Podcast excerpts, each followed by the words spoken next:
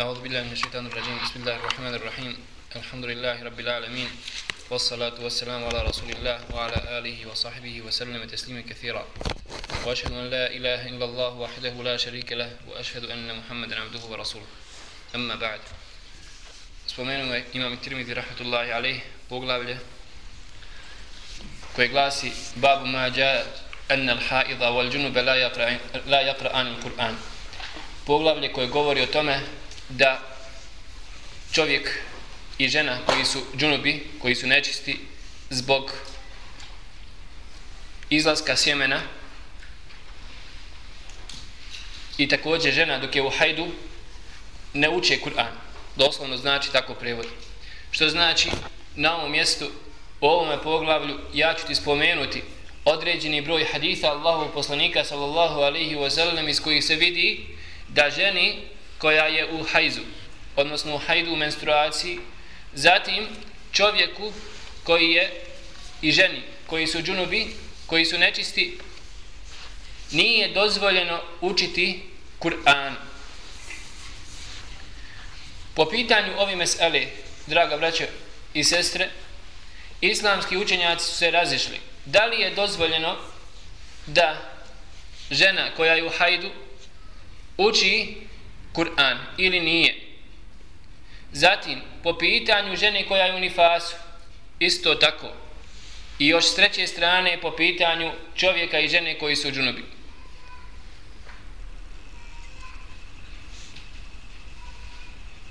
Većina islamskih učenjaka stoji na stanovištu da je apsolutno zabranjeno onome koji je nečist bilo zbog džunupluka kao muškarac ili žena. Bilo žena u hajdu bilo u nifasu. Nije dozvoljeno da uče Kur'an. Na ovom stanovištu stajalo je većina islamskih učenjaka. Među ashabima poput Omera ibn Khattaba radijallahu ta'ala anhu. Zatim Jabir ibn Abdillaha. Zatim predaja od Ali ibn Abi Taliba zatim od mnogih drugih velikana među tabiinima i općenito sva četiri mezheba učenjaci hanefijskog, malikijskog, šafijskog i hanbelijskog fika stoje na stanovištu da čovjek i žena koji su džunubi, zatim žena koja je u hajdu ili u nifasu nije dozvoljeno da uči Kur'an. To je onako stanovište općenito grubo kad kažemo. S tim da se sada ova većina islamskih učenjaka razišla po pitanju nužde. Pazite, razišla po pitanju nužde jer imate Abu Hanife rahmetullahi alaihi u jednoj predaji od njega da ženi nije dozvoljeno da uči bilo šta od Kur'ana osim da prouči jedan dio ajeta, pazite, ne čitav ajet. Jeste razumjeli? Ako je, znači ajet, neki u Kur'anu, ako se nalazi, ajet u Kur'anu, kažu, nije dozvoljeno da prouči žena čitav jedan ajet. Ali da spomeni dio samo ajeta, šta? Kažu, dozvoljeno je u ovakvoj jednoj situaciji. Zato što kažu da muadžiza, pazite, Kur'an je sav muadžiza. Muadžiza, Allah subhanahu wa ta'ala, Kur'an, ne biva osim sa potpunim ajetom. Oto da oni kažu, ako bi samo, primjer radi, spomenula završetak ajeta ili dio ajeta, ne čitav ajet, dozvoljeno je njoj u hajdu ili nifasu da spomene ili čovjeku koji je džunob. Ali, čitav ajet i više od toga apsolutno nije dozvoljeno. Dok učenjaci šafijskog mezheba smatraju da je nužda kao recimo žena koja podučava Kur'an. Razumijete? Kao žena koja podučava Kur'an, kao da recimo imate muallimu koja podučava djecu Kur'anu, hivzava, ili žene i tome slično, pa kada je njena nafaka svezana za tu platu koju uzima na ime podučavanja Kur'ana, s druge strane, ako ne bi podučavala Kur'an, žena bi ili djeca koju podučava, ona naštetila bi po pitanju njih, kažu učenjaci šafijskog mezheba, šta? Dozvoljeno je tada njoj u nuždi da ona uči i podučava Kur'an, ali opet i tada neće zanijetiti da je to stvar ibadeta. Razumijete li? Neće ga učiti kao ibadet, nego će onaj siljem podučavanja siljem podučavanja onaj žena ili djece Kur'an. Na ovakav način vidimo znači da su to posebne samo iznimne situacije koje spominju islamski učenjaci. Zaboravio sam da spomenem samo učenjaci malikijskog mezheba smatraju da je nužda kod njih, pazite, nužda da žena prouči kuranski ajet ako se nalazi recimo u jutarnjim ili večernjim zikru. Razumijete li? Ili da prouči zikr pred spavanje gdje se spominje tu neki kuranski ajet u samoj dobi. Jeste razumijeli?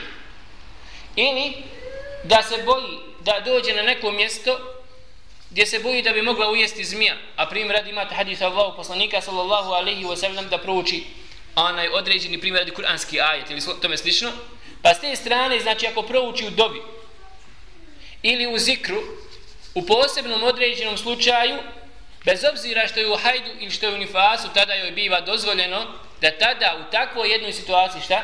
Prouči kuranski ajet. Jeste razumijeli? Znači, što se tiče svih odnosno većine islamskih učenjaka, pazite, većine islamskih učenjaka, kako su spomenuli, oni stoje na jednom stanovištu, a to je da je osnova da nije dozvoljeno da žena uči Kur'an, pazite, s tim da su se samo razišli šta je nužda. Kod Ebu Hanife je vidjeli ste na kakav način to nužda i kako je dozvoljeno. Kod Malikija vidjeli kako, a kod Šafija opet s treće strani kako. Što se tiče drugog mišljenja, draga braćo i sestre, na tom stanovištu stoji imam i Buharija, rahmetullahi alaih. Zatim, učenjaci zahirijskog mezheba i još jedan dio, znači islamskih učenjaka, mada i sam Tirmizi ovdje, vidjet ćemo inša Allah kad budemo čitali prevod. Onaj, sam imam i Tirmidhi smatra da je ovo prvo mišljenje stav većine islamskih učenjaka. Ali kažem imam i Buharija i još jedan dio islamskih učenjaka smatraju da je dozvoljeno ženi u hajdu i nifasu i čovjeku koji je džunup da uče Kur'an. Šta je dokaz kod jednih šta je dokaz kod drugih? Oni koji kažu da je zabranjeno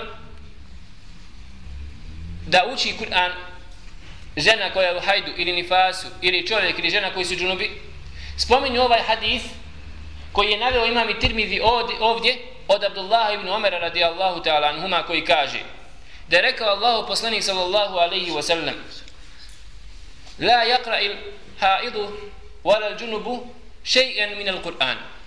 Kaže Allahu poslanik sallallahu alaihi wa sallam nije dozvoljeno, znači neka nijukom slučaju ne uči žena koja je u hajdu, u menstruaciji, zatim čovjek koji je džunup ili žena koji je džunup, jer džunup se podrazumijeva šta? Može biti čovjek i žena, ne tako? Nije dozvoljeno da čo, znači žena koja je u hajdu, niti čovjek ili žena koji su džunubi uče bilo šta od Kur'ana. Razumijete? Međutim, problem ovog haditha jeste što ovaj hadith slab, nije vjerodostojan, koji je nebeo imam i Tirmidhi. Rahmetullahi alaih. Od Abdullaha ibn Omera, radi Allahu ta'ala anuhuma. Zato što se navodi, na, nalazi jedan prenosioc, Ismail ibn Ayyash, radi rahmetullahi alaih, koji prenosi inače hadith ovaj od Musa ibn Okber, koji je bio inače od Hijaza, pazite, I svi njegove, sve njegove predaje od učenjaka Hidžaza su slabe. Ali zato vas nije bitno bitno je da znate, znači da ovaj hadith nije vjerodostojan kod većine učenjaka haditha. I ne može biti kao argument po pitanju ove mesele o kojoj mi govorimo. Međutim, imate druge hadithe Allahu poslanika sallallahu alaihi wa sallam koji su vjerodostojni. Jedan od njih jeste hadith od Ali ibn Abi Taliba koji također bilježi imam i tirmidhi u svome sunanu koji je vjerodostojan. I koji je velika, veliki dio učenjaka haditha su ga onaj smatrali vjerodostojnim poput samog Ibn Hajara El Asqalani koji je bio hafiz u hadisu i čije ocjena hadisa je priznata kod učenjaka razumijete li koji kaže Ali ibn Abi Talib radijallahu ta'ala anhu da je Allahu poslanik sallallahu alaihi wa sallam أن النبي صلى الله عليه وسلم قضى حاجته ثم خرج إلينا قال الله poslanik صلى الله عليه وسلم يوبا jedan put nuždu zatim izašao kod nas ثم قرأ القرآن zatim je proučio Kur'an znači proučio jedan dio Kur'ana ثم أكل اللحم معنا zatim je jeo sa nama pazite pa je tada rekao Allahu poslanik sallallahu alaihi wa sallam rekao je tada Allahu poslanik sallallahu alaihi wa sallam onaj hadith da ovako neka uči Kur'an osim džunub. Pazite. Neka uči Kur'an osim džunub. Tako da ovaj hadith je vjerodostojan kako smo rekli kod mnogih učenjaka haditha i to je argument da nije dozvoljeno znači onome koji je nečist da uči Kur'an. Također došao je drugi hadith od Ali ibn Abi Taliba radijallahu ta'ala anhu koga bilježi Ebu Jala u svom usnedu i za koga imam Hejthemi kaže također da je vjerodostojan. Gdje kaže Allahu poslanik sallallahu alaihi wa sallam nakon što je izašao među ashaba i proučio Kur'an, pazite, hakeza limen lem jekun džunuba. O ammel džunubu fela wala aje. Kaže ovako neka uči Kur'an, ovako neka uči Kur'an, osim džunub, a što se tiče čovjeka koji je džunub, što ne smije ni jedan jedini ajet. Tako rekao Allah poslanik sallallahu alaihi wa sallam. Drugi hadith, od također Ali ibn Abi Taliba treći argument gdje imate draga braćo i sestre hadith koga bilježi imam i Buharija i Muslim. Od Aisha radijallahu ta'ala anha koja kaže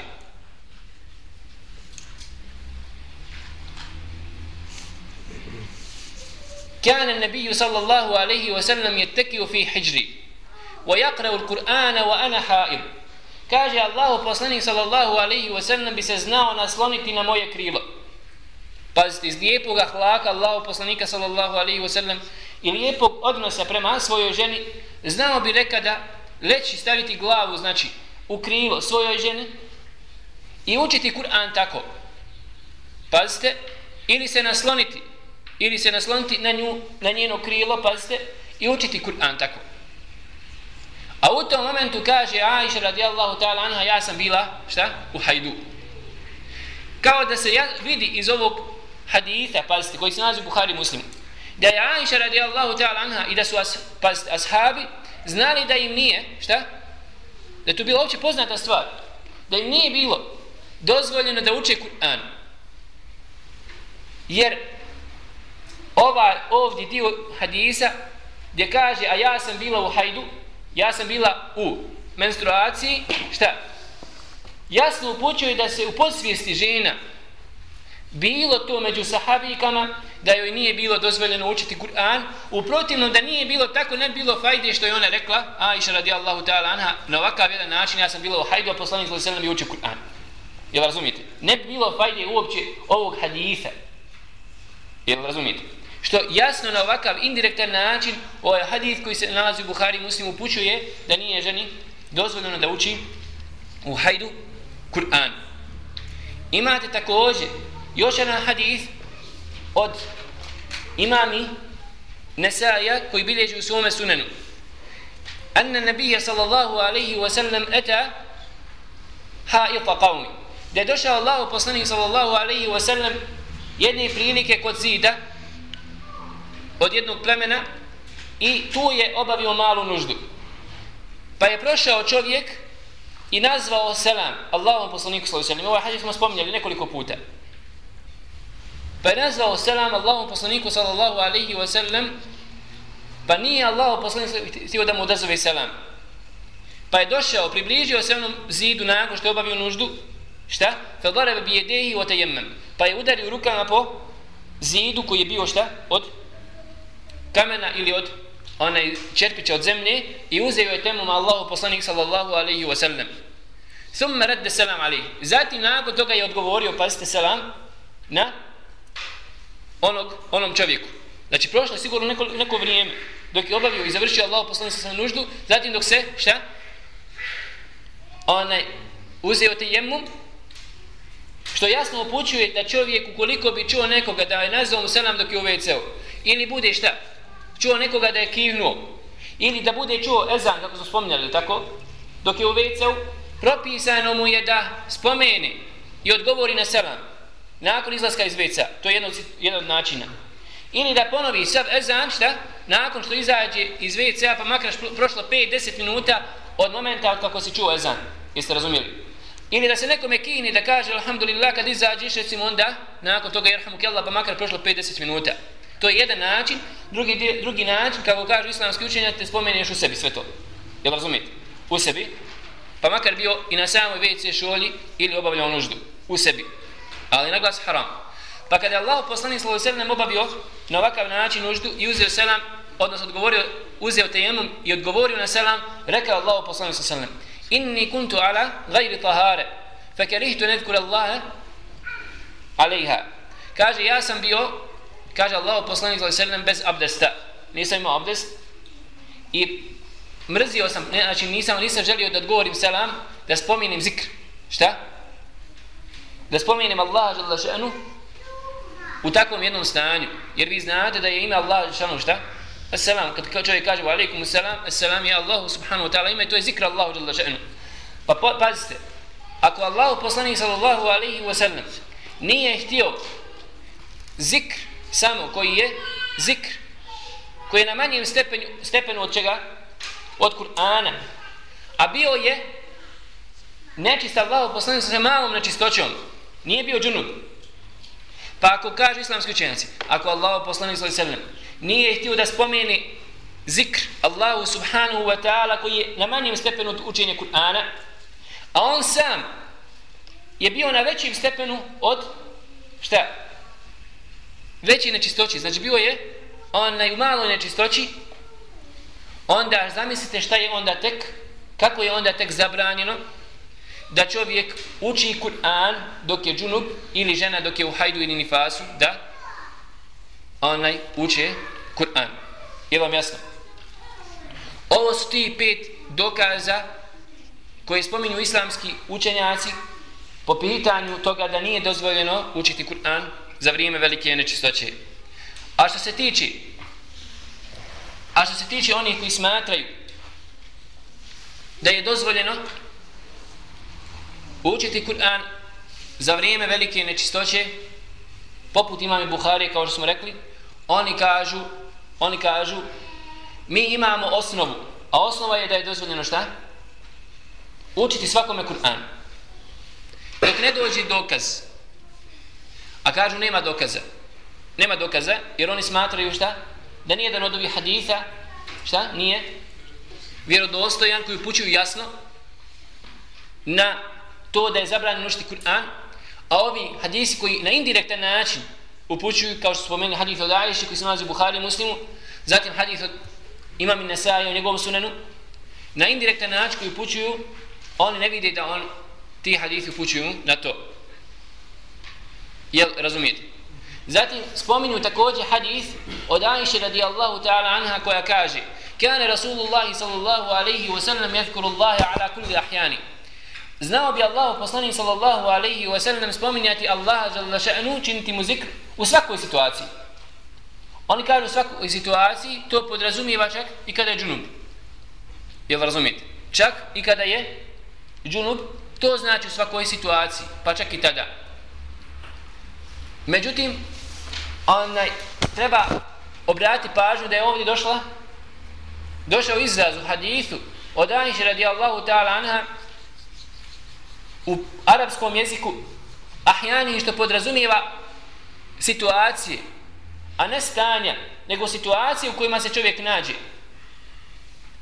Ne znam da li razumijete kao određene situacije poput jutarnjeg i večernjeg zikra poput kad god bi se našao u situaciji da treba ući u WC proučio bi dovu i zikr koju treba proučiti prije ulaska u WC ili kada bi izašao proučio bi dovu koja treba proučiti.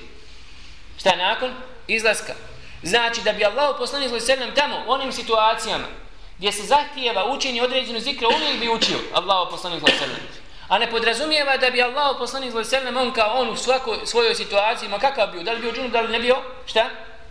spominjao Allah subhanahu wa ta'ala na osnovu ovog izraza. U svakom slučaju da se i podrazumijeva to mi imamo hadithe Allahu poslanika sallallahu alejhi ve koji su veliki onaj učenjaci smatrali vjerodostojnim.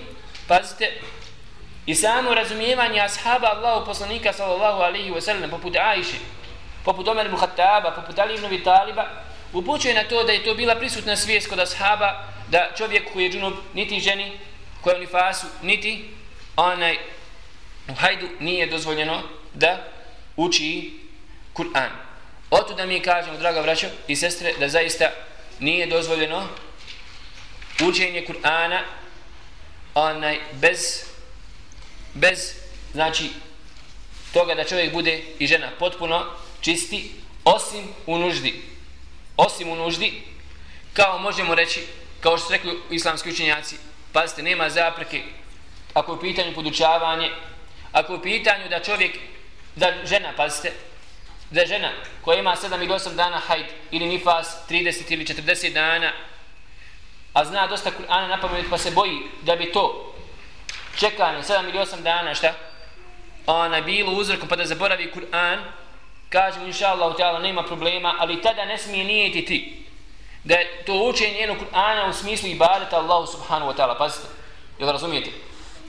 Jer vi imate hadith Allahu poslanika sallallahu alaihi wa sallam da je rekao ima ljudi koji su ostali u Medini od ashaba kada je prilikom pohoda na Tebuk. Ma qata'tum wadiyan. Kaže vi ne prođete ni šta? Ni pokraj jedne doline wala selektum shu'batan niti da prođete bilo pokraj kakve onaj kotline ili udoline ili kanjona a da oni neće imati šta? Nagradu za to kao i vi što hodate i što se mučite zbog čega zbog nijeta I zato što Allah subhanahu wa ta'ala zna da nemaju opravda, da, da, da nije bilo uzroka koji je zapriječio njih, da ne idu pohod, oni bi izašli. I Allah subhanahu wa ta'ala zna, draga braćo i sestre, da žena koja klanja redovno fardove i nafile i koja redovno uči Kur'an, jel razumijete? Zna Allah subhanahu wa ta'ala da nije njegove zabrane da bi ona i dalje učila Kur'an u vrijeme hajde, u vrijeme nifasa. I zato će imati nagradu kao da uči Kur'an. Oto da kažu islamski učenjaci, draga braćo i sestre, čovjek kad ode na putovanje, koji je običaju klanjati na file, je tako? Ne treba klanjati na file na putovanju, imaće nagradu kao da je i klanjao na file na samom putovanju, jer Allah subhanahu wa ta'ala zna da je on uvijek običajio klanjati kada je bio mukim, kada je bio kod kući, običajio je klanjati na file i dobit će nagradu za to kao da je klanjao. Isto tako kažu islamski učenjaci po pitanju bolesnika. Ukoliko ga bolest spriječi da ne može klanjati određene na file, imaće nagradu isto kao da ih klanja, jer Allah subhanahu wa ta'ala zna da nije bolestan, da nema tog opravdanja, da nema te zapreke, da nema tog uzora, on bi klanjao na file kao kada je bio zdrav. I zato Allah subhanahu wa ta'ala zbog nijeta, i zbog trajnog dijela koje čovjek radi u vrijeme zdravlja, u vrijeme žena kada nema menstruacije, Allah subhanahu wa ta'ala upiše joj kao da to i radi.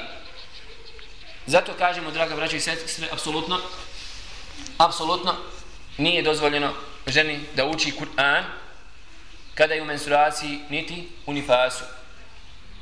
osim radi nužde. A što se tiče ove nužde, kažu islamski učenjaci, ova se nužda ne može prenijeti po pitanju čovjeka i žene koji su džunubi. Pazite. Jer nifas i hajd, menstruacija, nije u rukama žene da se može očistiti kad ona hoće. Je tako? Ali po pitanju džunuba, čovjeka i žene, ona i on imaju u svojim rukama mogućnost, šta? Da se očiste i da to, taj džunabe traji možda pola sata ili sat vremena ili dva sata, je tako? Ako nema mogućnosti, ako ima zapreke zbog vode ili nečega sličnog ima opravdanje, Allah subhanahu wa ta'ala dao ti izlaz šta? Tejemum, tako da opet na takav način ne može to biti onaj, ta olakšica da kažemo da vrijedi za džunuba. Ko ima mogućnost da se onaj očisti bilo čovjek ili žena. Zato kažemo ta nužda procjenjuje se shodno uh, samo njoj koliko je ona velika i koliko je potrebna žena treba da se boji Allah Lušanu u takvoj jednoj situaciji. Sada uz ovo samo da spomenemo da ne pobrkate meselu. Pa ste veoma bitno. Da ne pobrkate meselu. Imate meselu učenja Kur'ana. Ovo se podrazumijeva učenje Kur'ana na pamet. Jel razumijete? Na pamet učenje Kur'ana po pitanju čovjeka ili žene koji su veliko nečistoći. Što se tiče učenja Kur'ana na pamet, čovjeka ili žene koji nemaju abdesta samo, znači koji su, nemaju abdesta, ali koji su čisti od velike nečistoće. Jel razumijete? Ispravno mišljenje je da je dozvoljeno čovjeku učiti bez abdesta na pamet. I čovjeku i ženi Kur'an. Jer imate hadis koga bilježi imam Bukhari i Muslim, kada Allah poslanik sallallahu alaihi wa sallam se probudio u zadnjoj trećini noći hadith od Ibn Abbas radijallahu ta'ala anuma kada je došao kod ispominjali smo također ovaj hadith kod svoje tetke kod svoje ne ne ne tetke jest ne ne Mejmuni Mejmuni radijallahu on je došao kod tetke jeste jeste kod svoje tetke Mejmuni radijallahu ta'ala anha pa je ustao Allah poslanik sallallahu alaihi wa sallam i zasna. Pazite, jasno ima redoslijed događaja. Pa je pogledao Allah poslanik sallallahu alaihi wa sallam u nebo i vidio je zvijezde. Tada je proučio zadnji ajet iz sure Ali Imran. Inna fi halki samavati wal ardi wa la fi lili wal nahari la ayatin li ulil albab. Kada je završio, rekao Allah poslanik sallallahu alaihi wa sallam Vojlu limen qarahunne wa lam jetta'iv bihinne. Teško onome koji bude proučio, a ne bude uzeo pouku po, iz njih. Zbog veličine ovih ajeta. Pa je nakon toga Allah poslanik prišao u mješini s vodom i uzeo abdest. Razumijete? Jeste razumijeli? Tako da učenje Kur'ana Allahu poslanika sa nekoliko ajeta, posljednjih ajeta iz sure Al Imran i zasna, pa tek nakon toga uzimanja abdesta jasno upućuje da Allah poslanik sam se učio Kur'an bez abdesta. Ovo je druga mesela. Jel razumijete? Ali dodirivanje mushafa bez abdesta, bez abdesta, bilo čovjeku ili ženi, nije, draga braćo, dozvoljeno. Jel razumijete? Sad, ako neko nema abdesta, znači čisti od velike nečistoći, nije potrebno da se okupa, ali da odirni mushaf bez abdesta, nije dozvoljeno. Nije dozvoljeno uzeti mushaf bez abdesta, i to je druga mesela, inša Allah, koja će također doći ako Bog da, ali želim da vam samo sada napravim znači razliku, da ne pobrkate mesele, jer veoma često ljudi pobrkaju meselu. Dodirivanje mushafa bez abdesta, učenje Kur'ana bez abdesta i učenje Kur'ana ženi koja je u hajdu nifasu ili čovjeku ili ženi koja je koji su džunubi. Je vam jasna ova stvar?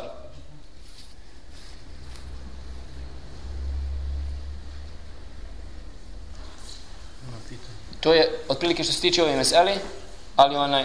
Možda s pitanje. Inša Allah, poslije. A vi, ako budemo išli pitanje ovako na svog radisa, nećemo stići onaj baš daleko. A? Jeste.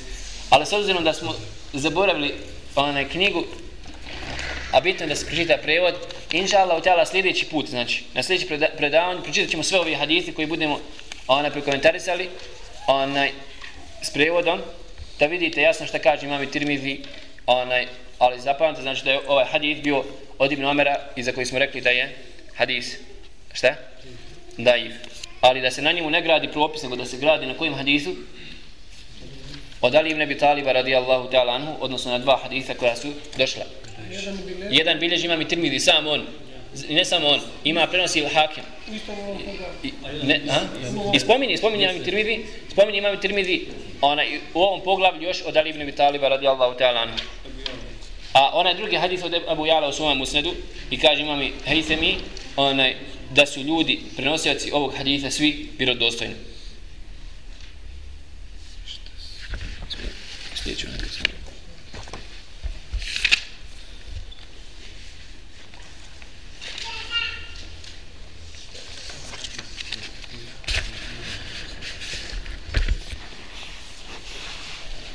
Sljedeći hadis, draga braćo i sestre, koji je spomenuo imam i Tirmidhi, rahmetullahi alaih, jeste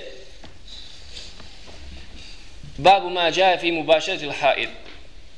Poglavlje koje govori o tome da je dozvoljeno ili koje govori o propisu naslađivanja sa ženom koja je u hajdu. Ko je pitao, ha? Ne sjeća, jesmo rekli da će doći. A? Znači, na ovom mjestu, u ovom poglavlju, spomenut ću vam hadith Allahu poslanika sallallahu alaihi wasallam, kao da želi to imam trimiti da kaže. Na ovom mjestu spomenut ću ti hadith Allahu poslanika sallallahu alaihi wasallam, iz koga ćeš ti vidjeti. Da li je dozvoljeno da se čovjek naslađuje sa svojom ženom u vremenu hajda ili nije. Iako jeste, ima li tu kakve ograničenja ili nema? Draga braćo i sestre, židovi, lanetullahi alejhim, imali su ubjeđenje da žena koja je u hajdu, u menstruaciji, da nije dozvoljeno čovjeku sa njom sjediti i jesti ili piti. Pazite, smatrali su je apsolutnom nečisti. Zato je došao šerijat Allah subhanahu wa ta'ala ovome ummetu, čija obilježe da je to ummet olakšice. I Allah subhanahu wa ta'ala je opisao Muhammeda sallallahu alaihi wa sallam wa jabao anhum israhum wal aglala allati kanat alaihim. Da je um, Muhammed sallallahu alaihi wa sallam poslanik koji je došao da uzdigne one teške propise koji su imali prijašnji narodi. I ovaj šerijat jeste šerijat olakšice i šerijat sredine. Zato je došao, kažem Allahu poslanik sallallahu alaihi wa sallam, da pojasni to na čemu su bili židovi. Da nije propis od Allaha subhanahu wa ta'ala, Pa bi Allah poslanik sallallahu alaihi wa sallam kako se navodi u hadithu koga bilježi imam i Bukharija i Muslim. Pogledajte, znao za vrijeme hajda sa Aishom sjediti, jesti i piti. Pa kada bi ona mu prinijela da on popije iz posude vodu, on bi vratio da ona prvo popije u hajdu dok je bila u menstruaciji, pogledajte, pa kada bi popila vodu, gledao je Allah poslanik sallallahu alaihi wa sallam sa koje mjesta je ona stavila svoje usne, iz kojeg je pila pa bi tada okrenuo posudu i tražio da popije i da stavi svoje usne sa onog mjesta s kojeg je ona pila. Iz lijepog ponašanja, lijepog ahlaka prema ženi, s druge strane da pokaže Allahu poslanik sallallahu alaihi wa sallam da to što je Allah žaldašajnu zabrani određene ibadete ženi dok je u hajdu. Jel razumijete?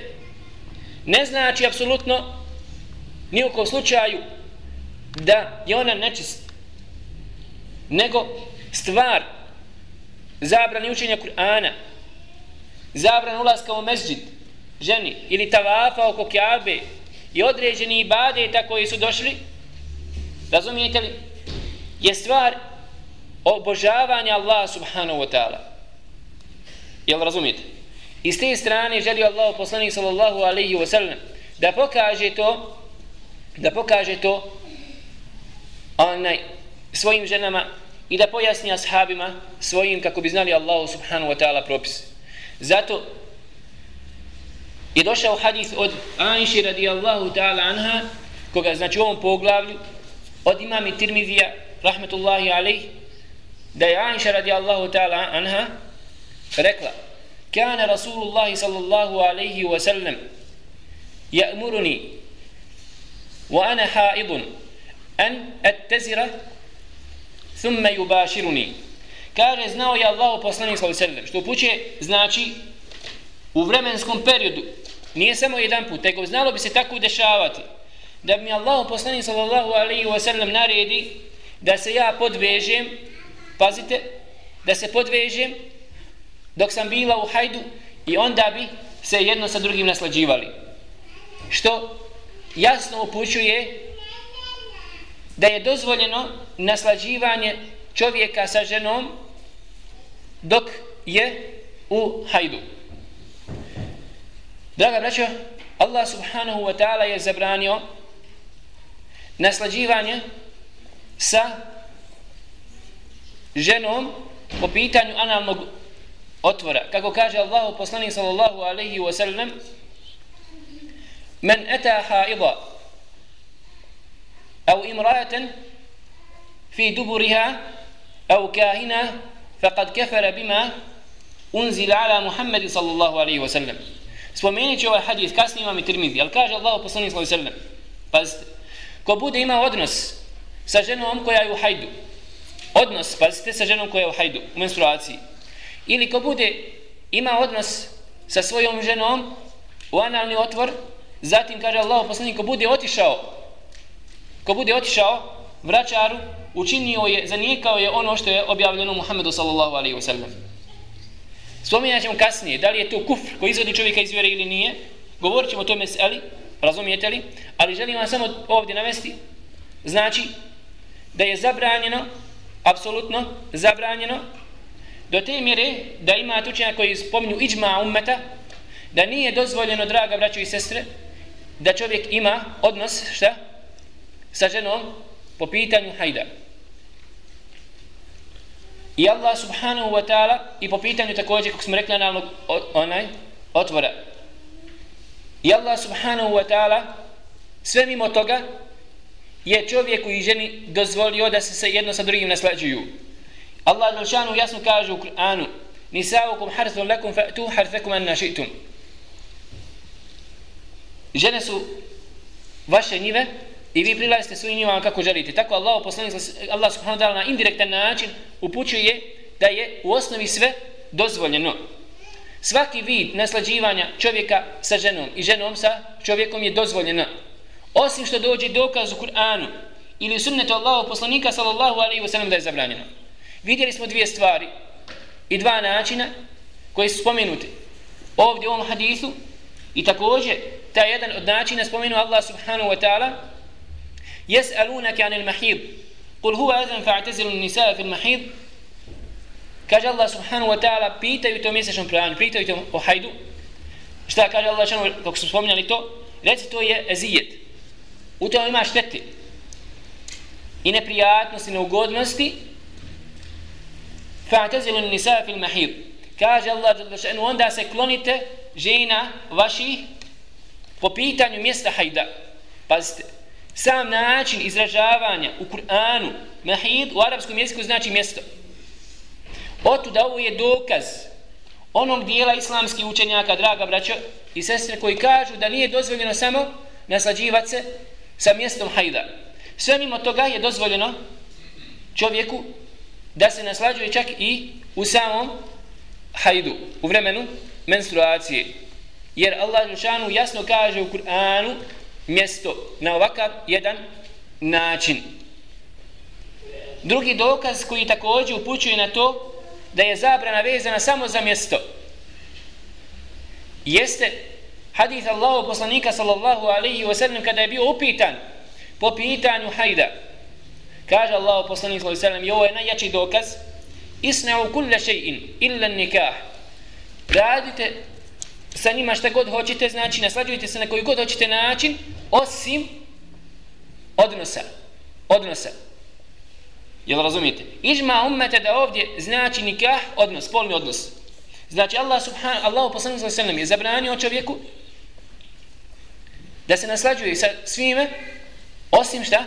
Sa polnim odnosom kako je došao hadith Allahu poslanika sallallahu alihi ve sellem u ovome hadithu Allahu poslanika sallallahu alihi wa.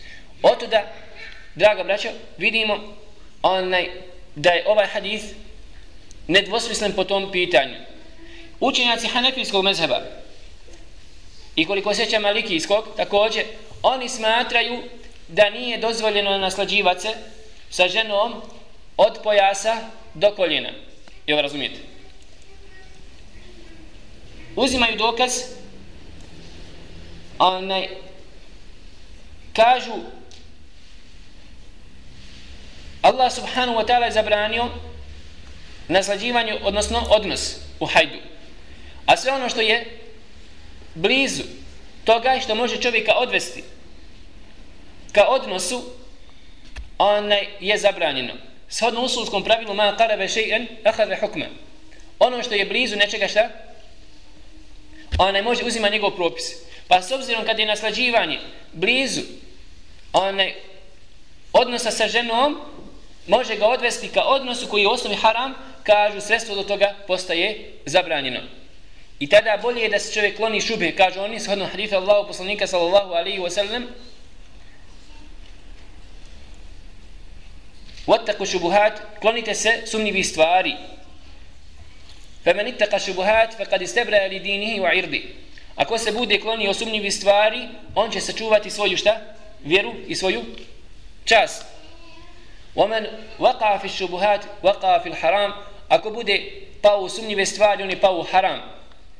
Ker ra'i jeral ganeme haulal hima, yušiku an jerta'a fi. Kao kaže pastir, koji čuva svoje stade, stado blizu međi tuđi pazite gdje nikada nije siguran hoće li mu ovce preći ili njegovo stado u tuđu zemlju i napasti se ili neće jer kad si blizu harama možeš pasti onda u haram kaže Allah poslanik sallallahu alejhi ve sellem ala inna li kulli malikin hima svaki vladar ima svoje šta zabrane Ela inna hima Allahi maharimu. Doista su zapreke i zabrane Allah subhanahu wa ta'ala propisi koji su došli od harama, razumijete li? Oni ova hadith i općenito znači stvari koje približuju sredstvo ka haramu kažu da je haram. Jel razumijete? Također ovaj hadith koji su, smo spomenuli od Ajše radijallahu ta'ala anha Oni kažu izar znači podvezati se, da je naredio Allah poslanik sa Ajši da se podveži i podrazumijeva da se podveži od pasa do koljena. Međutim, ne, u arapskom jeziku ne podrazumijeva se izar tako. Izar čak znači do ispod koljena, do pola cjevanica. To u osnovi znači izar. Može znači da, izar do, da spustiš izar, ha, razumijete li? Do ispod koljena. Može biti do koljena, može biti izar koljena. Tako da arapski jezik ne, ne podrazumijeva to. Oto da mi kažemo da je ispravno mišljenje, draga braćo i sestre, da je dozvoljeno, zato što imamo jasan hadis Allahu poslanika sallallahu alejhi ve sellem da se čovjek naslađuje sa svojom ženom sa svim osim polnog odnosa u vremenu hajda, osim čak i oni koji kažu da je dozvoljeno kažu osim ako preovladava čovjeku mišljenje da je mogao ono nešta jeste o, imati da bi ga moglo naslađivanje odvesti u haram u polni odnos tada i oni kažu draga braćo da nije dozvoljeno što znači ukoliko čovjeku prevladava mišljenje da nije dozvoljen, da bi mogao otići u haram, tada kažemo, draga braćo i sestre, nije dozvoljeno.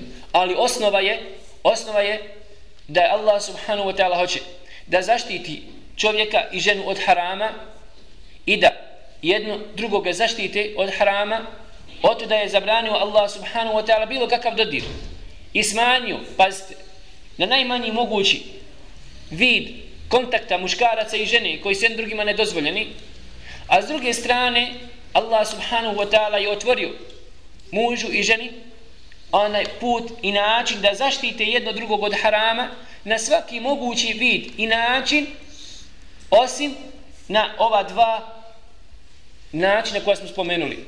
Jel tako? Razumijete, draga braća? Otuda onaj, vidimo milost šarijata s druge strane vidimo da je ova Allahova subhanahu wa ta'ala vjera, vjera koja je došla sa prirodnim stvarima, koja se nalazi u prirodi svakoga čovjeka i svake žene i otuda vidimo mudrost šerijata do te mjere, draga braćo i sestre, pazite, da imate i učenjac da govori, ukoliko bi se čovjek našao u situaciji, pazite, ukoliko bi se čovjek našao u situaciji da bi će otići u blud, da će počiniti blud, zbog toga što mu žena ima hajt 7 ili 8 dana, razumijete li? Pa ako se nađe u takvoj situaciji, da je siguran ili prevladava mišljenje da će pasti u haram, u blud, kažu islamski učenjaci, tada će imati odnos čak i u hajdu, pazite, ali se različi islamski učenjaci po pitanju kefareta i po pitanju onaj, teobe i tako dalje, ali da se čovjek tako i tako u jednoj situaciji, šta? Bira se manje zlo, jer ljudi i žene se razlikuju po pitanju strasti, razumijete li? Od osobe do osobe, tako da je islam našao izlaz za svaku situaciju. Spominju islamski učenjaci komentaru ovog haditha, inače, i napominju obavezu inače žene da se odazove čovjeku u postelji baš zbog tih stvari, jer Allahu poslanik sallallahu alaihi wa sallam kaže bilo koja žena da odbije postelju svoga muža i njen muž zas, zanoći srdit na nju, šta? Melek je proklinio sve dok ne osvane. Otuda kaže Allahu poslanik sallallahu alaihi ve sellem da ovo zadovoljstvo koje je spomenuto u hadisu Allahu poslanika sallallahu alaihi ve sellem po pitanju muža jeste vezano za ovu stvar. Da bude čovjek znači zadovoljan sa svojom ženom po pitanju njene vjeri. Da ga sluša, da mu se pokorava po pitanju vjeri. Ali isto tako da se da sluša po, pokorava po pitanju dunjaločkih stvari. Što podrazumijeva kada nešto naredi da ga posluša. Kada nešto zabrani da prestane s time. I da se okani toga. Jer nije džennet i draga braćo i sestre vezan za zadovoljstvo muža na dunjaluku. Kaže Allah poslanik sallallahu alaihi wa sallam Iza sallati l-mar'a khamsaha wa samet šehraha wa matet wa zavđuha anha radin qila laha udhuli al-jannata min aji ebuavin šit. Kaže Allah poslanik sallallahu alaihi wa sallam Ako bude žena klanjala pet vakata namaza bude postila svoj mjesec Ramazana i bude umrla, a njen muž bude zadovoljan sa njom, bit će joj rečeno uđi na koja god hoćeš vratiti džennete. Da vraći ovu mudrost. Evo džennet u tri stvari. Namaz, post i zadovoljstvo muža. Zato malo ćete naći žena, zaista, kom Allah subhanahu wa ta'ala da uspjeha ovim stvarima. Zaista, malo ćete naći žena kom Allah subhanahu wa ta'ala da uspjeha ovim stvarima. Jer, onaj, vidjet ćete, ahlak, sahabiki poput Ajše, radi Allahu ta'ala u hadithu, kako na koji način je nastojala da ne izazove srđbu Allahu poslanika sallallahu sallahu sallam. Kaže Allahu poslanik sallahu sallam, dodaj mi seđadu iz džamije. Nije rekla neću, pazite. Nije rekla ne mogu. Bila u hajdu, nije smjela da uđe, znala da ne smije ući u mezđid. Ali što je rekla? Ena hajdu, objasnila Allahom poslaniku, ja sam menstruacija. Ko će sad da, reci, kad zna da sam menstruacija, sad mi reci da uđem, ja ću ući. Razumijete li? Tako da su sahabike birale na najbolji mogući način da ne izazovu sržbu čak muža. I pored što imala pravo da ga ne posluša. Razumijete li? Imala je pravo Ajša da ga ne posluša i da kaže ne mogu ili neću. Ali nije htjela da kaže ne mogu niti neću, da ne bi izazvala odmah u prvom momentu sržbu, pa dok muž skonta da ona ne može da uđe u mezđet, a? nego ona odmah rekla šta je uzrok. Jel razumijete? Odmah mu objasnila zbog čega šta je kod nje problem. Ja sam u hajdu. Nije rekla ne mogu, nije rekla neću. Ili ovako, odmah je rekla razlog tako da Allah poslan, da mu ne da uopće priliku da se naljuti. To želi da kažu islamski učenjaci. Ali zaista, draga braćo i sestre, onaj, velika stvar, velika stvar je onaj, u ovom hadisu koja smo malo prije spomenuli, do te mjere da samo žena zanijeti, kad svaki jezan čuje, na munari, pazite, da je Allah poslanik sallallahu rekao وَبُيُوتُهُنَّ خَيْرٌ لَهُنَّ Da je njen namaz u njenoj kući bolji nego onoga sada što ode da klanja, čiji namaz 25 ili 27 puta. Bolji u, u džami. Samo da zaniti tu stvar, treba da zna da je njen namaz u njenoj kući, u njenoj džami, unutra. U njenoj sobi vredniji od tvog namaza ovdje 25 ili 27 puta, samo da to zanijeti, pazite, dovoljno bi bilo, dovoljno bi bilo da skonta mnoge, mnoge stvari i da svati šta joj je raditi. Ovo Allah poslanik sa sallam obraća se ženama sahabikama koji su u Medini gdje namaz u njegovom mezđidu, u njegovom mezđidu, gdje imaju priliku da klanjaju u njegovom mezđidu, gdje je namaz obavljen bolji od stotinu, od hiljadu namaza. Pazite, od hiljadu namaza. Pa šta je tek onda sa ženama koje su izvan, izvan, znači Medine, Allahu poslanika sallallahu alaihi wa sallam. Da zaniti da čuje jezan. Ha? Da čuje jezan. Ne, ne, želim samo, na neki, ne sam rekao sada da uvijek zanit, ali samo da znači, želim da postaknem da je stvar nijeta. Ja. Znaš? To što zapisati? Ha? Pa zapiši tako da žena treba znači da ima nijet tu kad god pokuša da što god može imati više nijet, razumiješ? Da zna da je nije namaz u njenoj kući. Jest, da je bolje. I da je bolji i vredniji namaz nego 25 ili 20 puta obavljenog u džami. Ima nagradu da dođe da klanja u džami, u džematu, ako se propisno obuči, ima nije. Ima nagradu 25-27 puta. Ali da ostane kod kuće, nije namaz kod kuće vredniji od namaza obavljenog u mezđidu. Čak u mezđidu Allahu poslanika sallallahu alaihi wa sallam. Ili treba to zanijeti svaki put. A vidi, nije te taj koji čovjeka čini, rekli, spričali smo, to je zdjela srca. Ovako, želimo samo da postaknemo, znači da čovjek što, god može više, onaj nijeti i da onaj ima namjer u svom srcu. Pričali smo oko, to, oko toga. Svi ljudi klanjaju. Svi smo večeras klanjali. Ali naći ćete nagradu kod jednoga u odnosu na drugog, Allah sami zna, nema poređenja. Nekog će možda prokljeti njegov namaz, kao što je došao hadis Allahu poslanika sa selam. Neko kaže Allahu poslanik sa selam svog namaza ima šta? Desetinu, jednu osminu ili pola, razumijete li? A nekom uzdigne se njegov namaz i kaže gospodaru u propasti ili u tom smislu kako došao hadis Allahu poslanika selam, kao što je mene upropastio. Sallallahu alejhi ve sellem. Zato kažemo nije ti taj, nije ti taj koji čovjeka čini i uzdiže jer svi rade isto. Svi idu na ruku, svi idu na seždu. Razumijete? Tako isto i po pitanju ostalih dijela.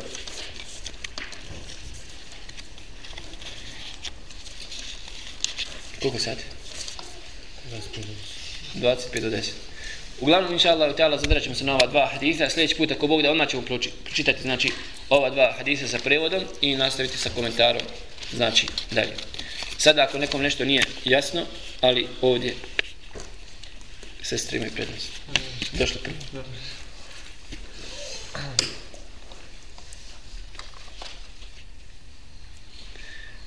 Da li je dozvoljeno učiti zadnja dva ajeta sure Bekare pred spavanjem u slučaju da su žena ili čovjek džunup? Ne, rekli smo, draga braćo i sestre, da je stvar džunuba, šta? Onaj, ograničena. I ne može se reći da je to nužda, nijekom slučaju. Allah subhanahu wa ta'ala ti omogućuje da ustaneš, šta? I da se okupaš, ako nisi u mogućnosti zbog nekih drugih stvari, zbog nedosta, nemaš vode ili neko, neke druge zaprike, kad budemo govorili o temomu, onda ćemo znači šta? Uzeći tajemom. Onaj, oto da smo rekli, zašto je došao, došla onaj, došao sunnet Allahu poslanika sallallahu alejhi ve sellem po pitanju abdesta. Ha? Kad došao Omer ibn Khattab radijallahu ta'ala an, an rekao je e, yanamu ahaduna wa huwa junub. Qala nam idha tawadda. Hoće li neko zaspati od nas? Šta? A junub pitao Omer ibn Khattab spominjali smo to. Pa je rekao Allahu poslanik sallallahu alejhi ve sellem hoće spavati junub ali ako se abdesti. I spominjali smo šta znači abdest. Jerhamukallah spominjali smo šta znači abdest. Ima jedno mišljenje da u jezičkom značenju znači oprati ruke je tako?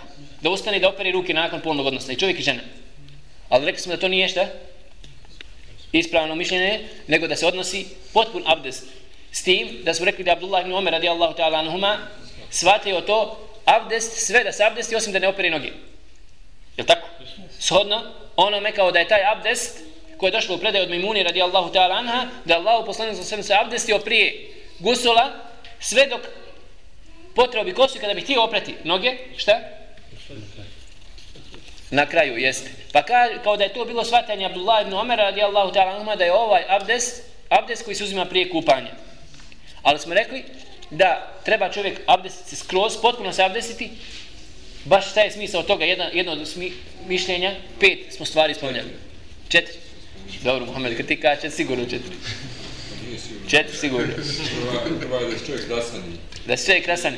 I onda mu je ona, lakše ide. Znači kao da je to baš hoće Allah, Allah poslanik sa svem stepenca da kad ustane čovjek onako lijen ili pospan, pa kad se abdesti, kad se razladi, onda već kad je dotakio vodu, a, može lakše da se abdesti, da se okupa.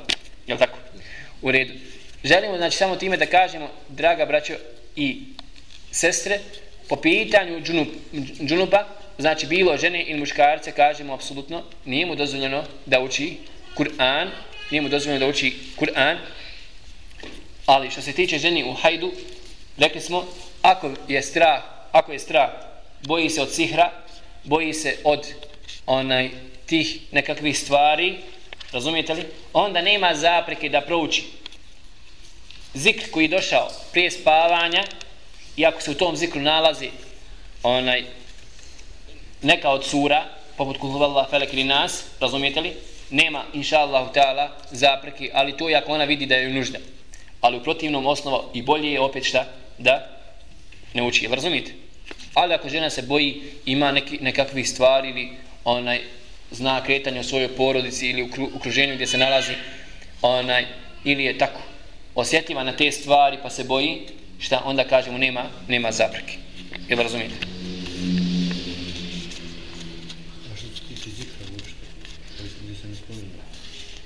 Gdje se ne spominje? Ni zikr Habibi, zato vidio si Allah poslani sa sallam je prezirao da spominje Allah subhanahu wa ta'ala, šta? Jes. I ne nekada, ne nekada džunup, bez abdesta. A šta je te kada je džunup? Imaš mogućnost ustani i okupaj se, ako ne, ne možeš onda... A? A za ženu koja hajdu? Da li ona Šta smo rekli? isto zikr baš? Šta smo rekli? Znači samo ako Ako se boji žena, da će... jest, na osnovu malikijskog mišljenja, kako kažu, šala u tala, da nema. Mada, recimo, zaboravio sam šeh Fauzan, ima, spominje samo dva, dvije situacije, tako. Ali kažem ti, stvar je, vidjeli su prilike ova tri mišljenja, kako i šta, onaj, spominju islamski učenjaci. A šta je po pitanju onog hadisa što se spominjao, ne znam, tečno prije nekoliko predavanja, hadisa poslanika je sam koji se je odobrio mu čuban da ima odnos sa ženom taman, onaj, ako se ne može okupati. A, ono, ja. Pa ja, Abu Dhar, spominjali smo i tu. Ja, a šta je sad pitanje? a dobro, mislim, određene, recimo, u toj situaciji da klanja namaz, mislim, sad šta je... Ali sa tejemomom? Ja.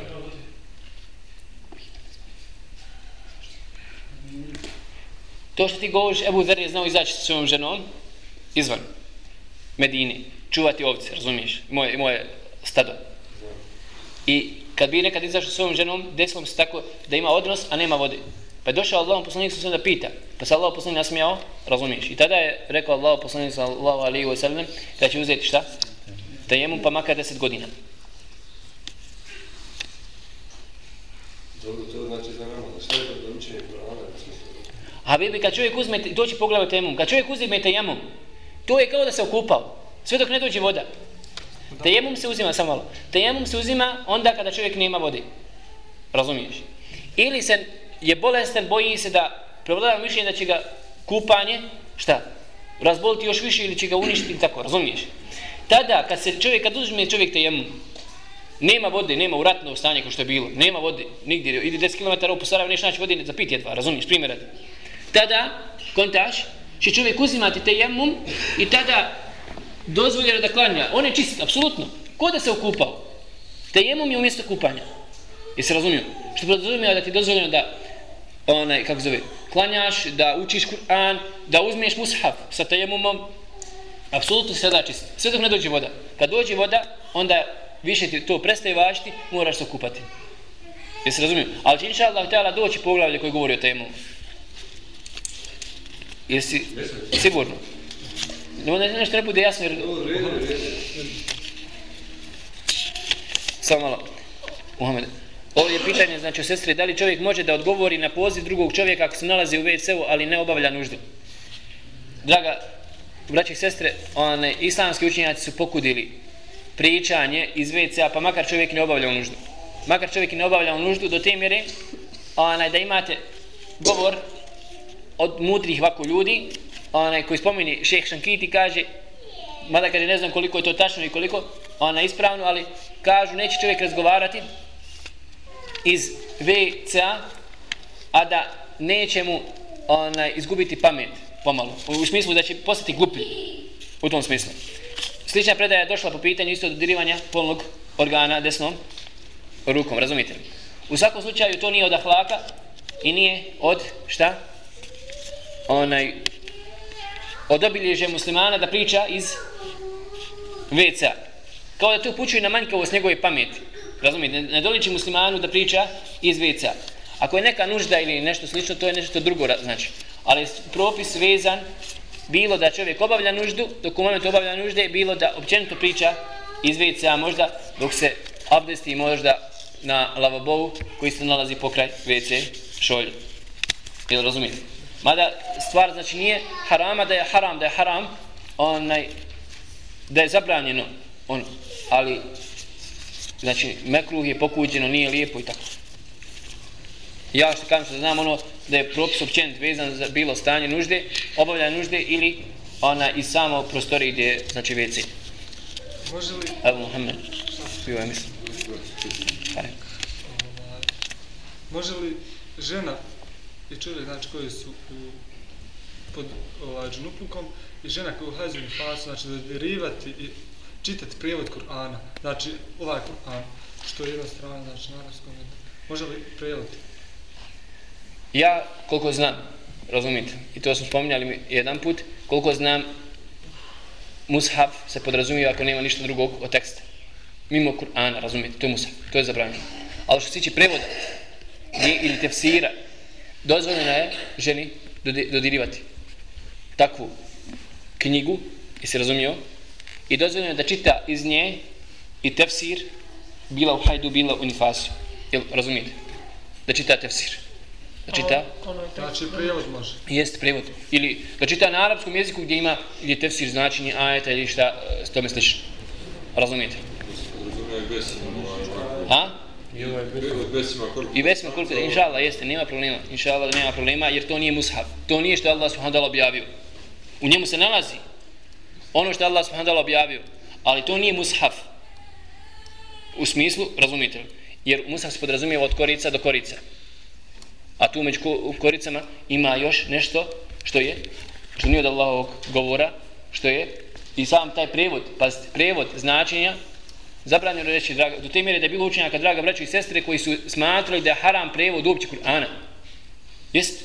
I zaista je jako mišljenje. Zaista je jako mišljenje da je zabranjeno prevoditi Kur'an. Bilo učenjak i, i početkom 20.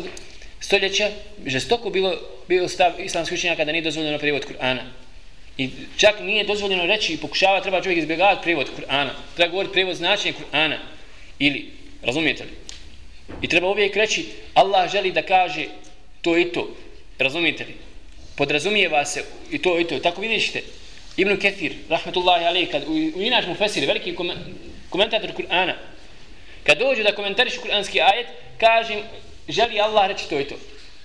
Kao da on ti pokušava šta je značenje toga. Šta hoće Allah subhanahu wa ta'ala od svojih robova. Razumijete li? I onda piši, govori to, to, to, na osnovu Kur'ana, na osnovu kuranskog ajeta ili haditha i tako dalje. Otuda kažemo, draga braćo i sestre, onaj, to je to. Inša, to je malo. Dodatka. To je malo, to nije ništa, to je dodac, pa ne, ne, inša Allah. To je mushaf, to je mushaf, to je mushaf, razumiješ. Podrazumijeva to isto, znači dodirivanje isto bez, bez abdesta? Bez obde se, To znači ovo. ovo. onaj mushaf, vidiš Habib mushaf, Da. nije ga dozvoljeno dodirnuti bez Ne abdesta. ovaj, ne ovaj mushaf, nego... Mimo toga, mimo toga, razumiješ, nema problema, nema problema. Ako je dozvoljeno u džunupu, zašto ne bilo dozvoljeno pod abdestom? Ovo ne možeš učiti. Ovo ja mogu učiti. Bez arbeta može učiti takav musav. Iako čovjek bez arbeta, čim ga može dodirnuti? Znači, čovjek bez arbeta može učiti. Ali ne gledajući, Habib, ne, to, ne gledajući. aha. Ne gledajući. To su dva različita pojma. Važno je ova nagrada za ženu, ona koja je klanja kod kuće, ona kao mešćin kod kabe, da, da je već. Žena koja klanja kod kuće, znači vrijednije namaz nego, nego mešćin, važio za mešćin kod kabe. Ili je samo da mešćin da poslanikom sam. Pa Habibi. Ne možeš sad, ja ne, ne možeš reći za ženu iz Bosne da je vredniji nego kod Kabe, razumiješ? Kontaš, nego podrazumijeva se u džematu, gdje ona. Znaš, i se razumiju.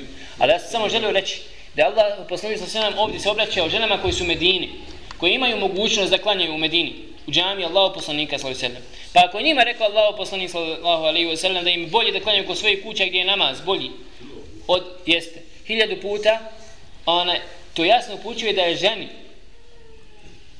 namaz obavlja u njenoj kući vrijedniji nego u mezđidi. Znači samo važi za njih koji su mogućnosti. Koji su u mogućnosti, ali ka, ne, ne, nikad ne treba čovjek ograničavati nijet. Stvar nijete velika. Razumiješ? Čovjek prošao pokraj bogataša i ima hadis poslanika svoj sebe. Prošao pokraj bogataša, kaže gospodaru daj meni, daj imam veliki imetak ja bih radio to i to. Allah subhanahu wa ta'ala saznao i vidio njegovu iskrenost i znao, saznao Allah subhanahu wa ta'ala da zaista ima čovjek taj imetak da bi podinio na Allahom putu i pisao nagradu da je uradio to i to. Samo što je zanijetio, draga braća, zato kažemo, nijet nikad nemojte ograničavati, uvijek prečistite nijet. Kad vidiš čovjeka da poziva Allah u vjeru, sprečava dobro ili zlo, rekneš gospodaru, što bi ja volio ovako raditi nešto. Zaista. Ili vidiš čovjeka koji dijelu možda hiljadu, hiljadu maraka ili ima bogatstvo, slobodno zamisli, pomisli, ne da mu odi to bogatstvo, nego zamisli gospodaru da ja imam to imetak, da ja imam, razumijete, ja bi napravio to i napravio bi džami, pomogao bi se na radio bi, zamišljaj, zašto da ne? Zbog tvog nije tako, Allah subhanahu wa ta'ala vidi ti hajr u tvome srcu, čak da nemaš, da uopće ne udjeliš ni jedne jedine marke. Ako si siromašan, može ti Allah opisati isto kao oni, ono što je uradio. Ili što, razumijete li, drago, stvar nije te, ne, ne smijete nikad ograničavati.